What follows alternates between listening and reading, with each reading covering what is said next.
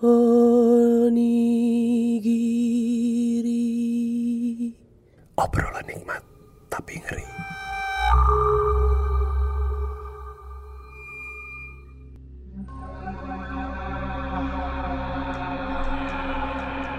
Halo, nama gue B, umur gue 22 tahun. Hari ini gue mau cerita pengalaman mistis yang pernah gue alamin waktu gue SMA. Jadi begini ceritanya. Cerita ini berawal dari di hari kelulusan SMA. Gue sekolah di salah satu SMA di Jakarta Selatan. Jadi paginya itu pengumuman kelulusan, malamnya langsung prom night. Singkat cerita, acara prom night itu kelarnya sekitar jam 11 malam. Nah, namanya juga anak muda, jadi nggak ada capeknya tuh. Akhirnya setelah prom night, gue dan teman-teman cowok lainnya eh, memutuskan untuk nongkrong. Karena di tempat nongkrong itu udah ada alumni yang nungguin kita dan mau ajak nongkrong bareng. Sekalian ngasih selamat udah lulus gitu. Akhirnya kita nongkrong terus ngobrol-ngobrol segala macam sampai tiba-tiba salah satu teman gue ada nyeletuk eh puncak yuk ke warpat karena waktu itu momennya abis lulus jadi kita merasa kayak udah bebas aja gitu. Nah jadi beberapa orang termasuk gue memutuskan untuk ikut ke puncak. Habis itu kita rundingin mau berangkat jam berapa mau naik mobil siapa aja dan ketemunya di mana. Setelah udah ngitung beberapa orang yang ikut buat tahu nih mobilnya cukup apa enggak, kita putusin buat pulang dulu ambil tas dan baju, terus ketemu di meeting point yang udah ditentuin tadi. Nah, waktu itu tuh meeting pointnya ada di salah satu minimarket di Ampera lah. Karena minimarket itu yang paling besar dan bisa buat parkir mobil gitu. Nah, Oke, terus gue uh, langsung pulang buat ambil tas, baju, sekalian pamit ke orang tua gue buat izin mau ke puncak.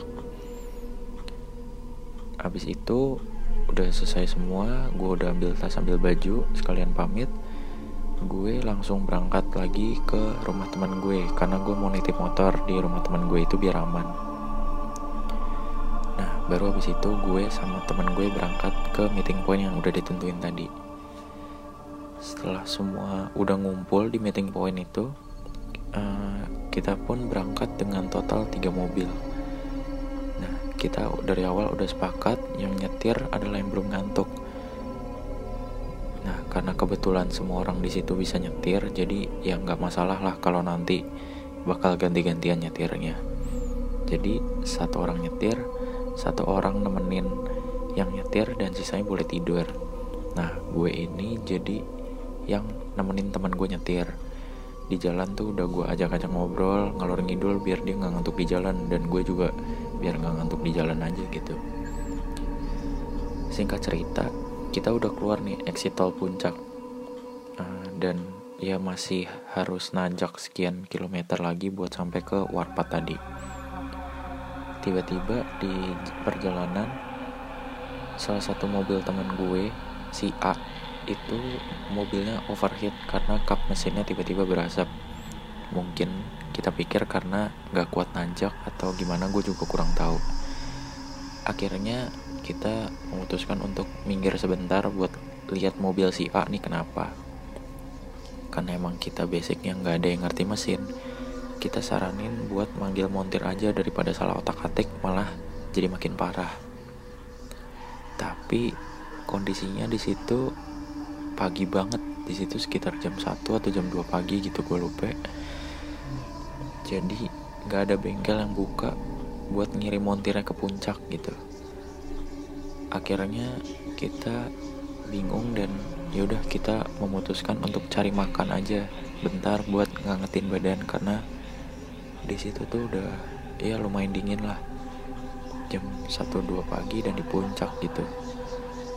Nah kita sengaja nggak nanjak lagi karena nggak mau maksain. Jadi kita cari makan yang deket-deket aja sekitar situ dengan sisa dua mobil yang ada. Sampai akhirnya kita nemu tempat makan pinggiran buat angetin badan lah makan indomie ada yang makan over cheese ada yang makan roti bakar. Kelar makan. Singkat cerita pokoknya kelar makan. Kita udah mau balik ke mobil. Tiba-tiba uh, mobil teman gue D itu bannya kempes nah pas dilihat kondisinya kondisi bannya itu tuh nggak wajar banget karena ban belakang kanan itu benar-benar sobek kayak abis dikupas gitu bannya. Agak nggak masuk akal karena itu ban mobil Fortuner yang mana bannya lumayan gede dan tebel. Terus kayaknya nggak mungkin juga kalau kucing bisa nyobek ban yang segede dan setebel sampai separah itu nah karena dua mobil udah kena masalah nih jadi tinggal sisa satu mobil dan kita semua mau nggak mau harus benerin salah satunya buat at least bisa nampung kita ini, kita semua yang pergi ke puncak ini. Nah, mobil Fortuner itu sebenarnya ada ban cadangannya, tapi si D yang punya mobilnya itu nggak bawa kunci buat buka bannya itu, ban serepnya. Akhirnya kita putuskan, yaudah kita coba deh cari tukang ban sekitar situ. Tapi ya kenyataannya di situ masih pagi. Kondisinya masih ya sekitar jam 3 pagi dan belum ada tukang ban yang buka. Akhirnya setelah berunding-berunding kita uh, kita mikir coba kita cari bantuan dari orang lain. Siapa tahu mobil yang lain itu punya kunci buat buka ban serep ini. Karena kita cuma butuh kunci itu doang lah. Kunci yang buat buka ban serep sama yang sekrup-sekrup di pelaknya itu. Uh, singkat cerita ya sekitar 30 menit sampai satu jam kemudian akhirnya kita nemu orang yang punya kunci. Dan kita pinjam bentar buat ganti bannya. Kebetulan nih kita semua kalau ban kita masih bisa benerin sendiri lah karena uh, ya masih sesimpel uh, karena ban masih ya lumayan sederhana caranya dibanding kita harus ngotak-ngatik mesin. Terus orang yang punya kunci itu nyamperin kita sambil nanya-nanya kita dari mana dan mau ke mana? Dia nanya ini kalian mau ke mana? Mau ke warpat pak tapi udah dua mobil rusak. Terus dia bilang waduh ya udah nggak usah lanjut ke atas daripada bahaya dia bilang gitu. Nah, ya udah Singkat cerita, ban serep ini udah kepasang karena udah dapat pinjaman kuncinya. Kita balik naik dikit buat ke mobil si A yang overheat tadi buat ngelihat kondisi mobilnya memungkinkan nggak nih buat jalan. Nah, sebenarnya mobilnya itu kuat aja jalan, masih nyala dan kuat jalan. Cuman kalau nanjak tuh kayaknya nggak kuat. Jadi karena nggak mau ngambil resiko, kita jadinya batal tuh, batal ke warpat terus kita memutuskan untuk turun buat balik ke Jakarta. Temen gue si A ini uh, yang punya yang mobil yang overheat dia bilang ini mobil bisa jalan tapi kalau nanjak gue nggak berani. Terus teman gue si O salah satu teman gue O dia ngomong yaudah kita turun aja deh nongkrong di Jakarta aja. Nggak usah ke warpat. Nah uh, si O ini dia itu bisa dibilang orang yang paling peka sama hal-hal yang berbau-bau mistis tapi bukan yang kayak bisa ngeliat gitu. Dia emang peka aja kayak dia bisa ngerasain gitu. Nah akhirnya semua balik ke posisi mobil masing-masing kita turun dan balik ke Jakarta. Udah di tol itu posisinya gue masih nemenin teman gue nyetir karena teman gue masih kuat buat nyetir sebelum sampai di Jakarta, si O ini ngajakin kita buat istirahat di rumahnya di Cibubur. Jadi dia tuh punya dua rumah. Yang Cibubur ini kosong karena sekeluarga pindah ke Jakarta. Akhirnya ya udah kita oke, okay, yuk ke Cibubur aja, kita istirahat bentar gitu karena kan dari malam kita udah duduk di mobil sampai sempitan pasti badan pegel juga terus kasihan juga nyetir pasti juga butuh istirahat terus ya udah oke okay, akhirnya kita ke Cibubur sampai di rumah itu ya sebenarnya gue pun gak merasa rumah ini aneh. Karena kondisinya benar-benar masih bagus ya konsepnya ya modern minimalis gitu. Terus kayak ya udah kayak rumah pada umumnya aja. Terus kita pun akhirnya masuk rumah itu untuk istirahat. Rumahnya ada dua lantai dan masing-masing ada kamar buat istirahatnya gue istirahat di kamar lantai dua sama beberapa temen gue. Uh, istirahat yang pokoknya ada sedia kasur ya udah kita di kasur itu aja buat rebahan-rebahan dikit. Ada yang istirahat ada yang ngobrol-ngobrol santai tapi gue memilih untuk istirahat gitu karena ya emang beneran capek. Sampai tiba-tiba pas sore-sore salah satu temen gue inisialnya V itu dia tiba-tiba teriak-teriak dari lantai satu teriaknya itu kayak bukan kesakitan tapi lebih kayak marah-marah gitu bentak-bentak. Gue sama yang lainnya di lantai dua tuh panik. Wah kenapa nih? Akhirnya kita turun buat nyamperin si V ini.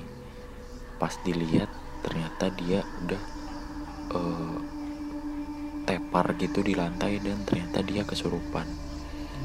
Di situ adalah momen pertama gue lihat secara langsung orang kesurupan. Bahkan di situ juga pertama kali gue megangin orang kesurupan.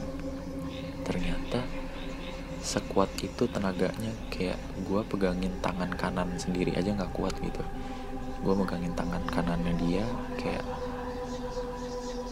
tangannya tuh berusaha ngelawan terus sampai harus dua orang yang pegang.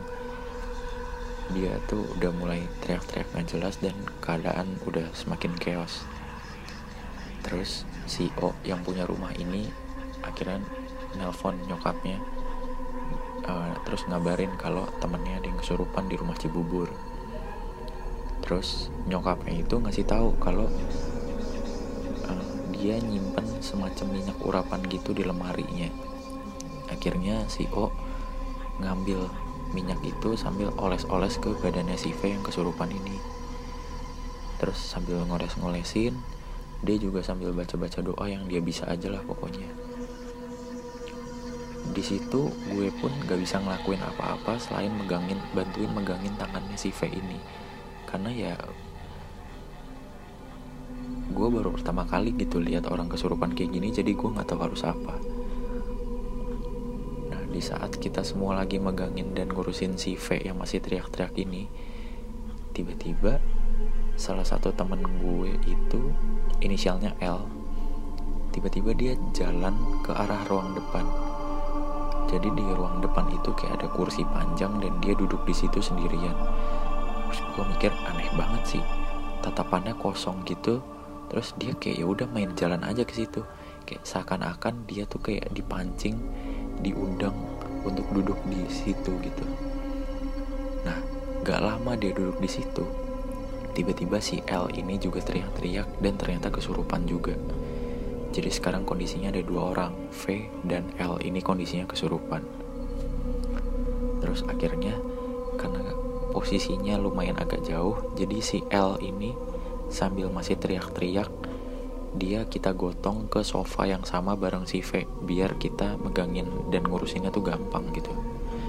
Akhirnya kita disuruh sama si O yang punya rumah buat angkut mereka berdua nih ke dalam kamar yang ada di lantai satu. Biar gampang gitu kan. Biar yaudah biar dia berdua kena kasur gitu. Maksudnya rebahan biar enak. Akhirnya kita semua masuk ke dalam kamar itu rame-rame. Semua yang berangkat hari itu ada di dalam satu kamar itu penuh kita yang dalam keadaan normal nih langsung yaudahlah kita baca doa yang sebisanya kita dan sehafalnya kita aja. Maksudnya ya siapa tahu makhluk yang masuk ke badan teman kita itu bisa pergi gitu. Di situ pun gue pun masih bingung kenapa nih orang berdua bisa sampai kesurupan sedangkan yang lain fine fine aja. Uh, mungkin si O ini yang punya rumah kayak ngelihat gue terlalu bingung dengan kondisi yang ada di situ sampai tiba-tiba si O ini ngomong ke gue pelan-pelan lo jangan panik ya sebenarnya kita semua di kamar ini lagi diliatin. Terus bingung dong hah diliatin siapa? Terus dia bilang gue ditampakin dia ada di ujung atas kamar lagi ngeliatin kita.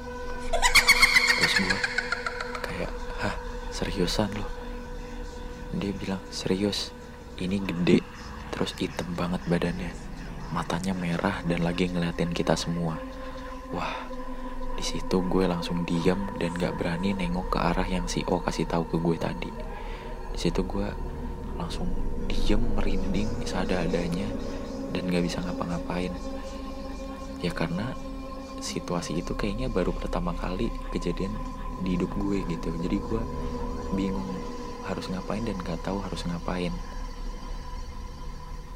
Sejak di situ gue langsung ngerasain kalau emang kita semua lagi dipantau sama makhluk itu.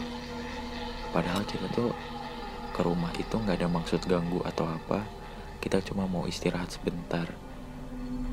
Di situ gue merinding sampai nggak bisa gerak dan sampai sekarang pengalaman itu masih nempel banget di kepala gue. Itu pengalaman mistis gue kalau lo gimana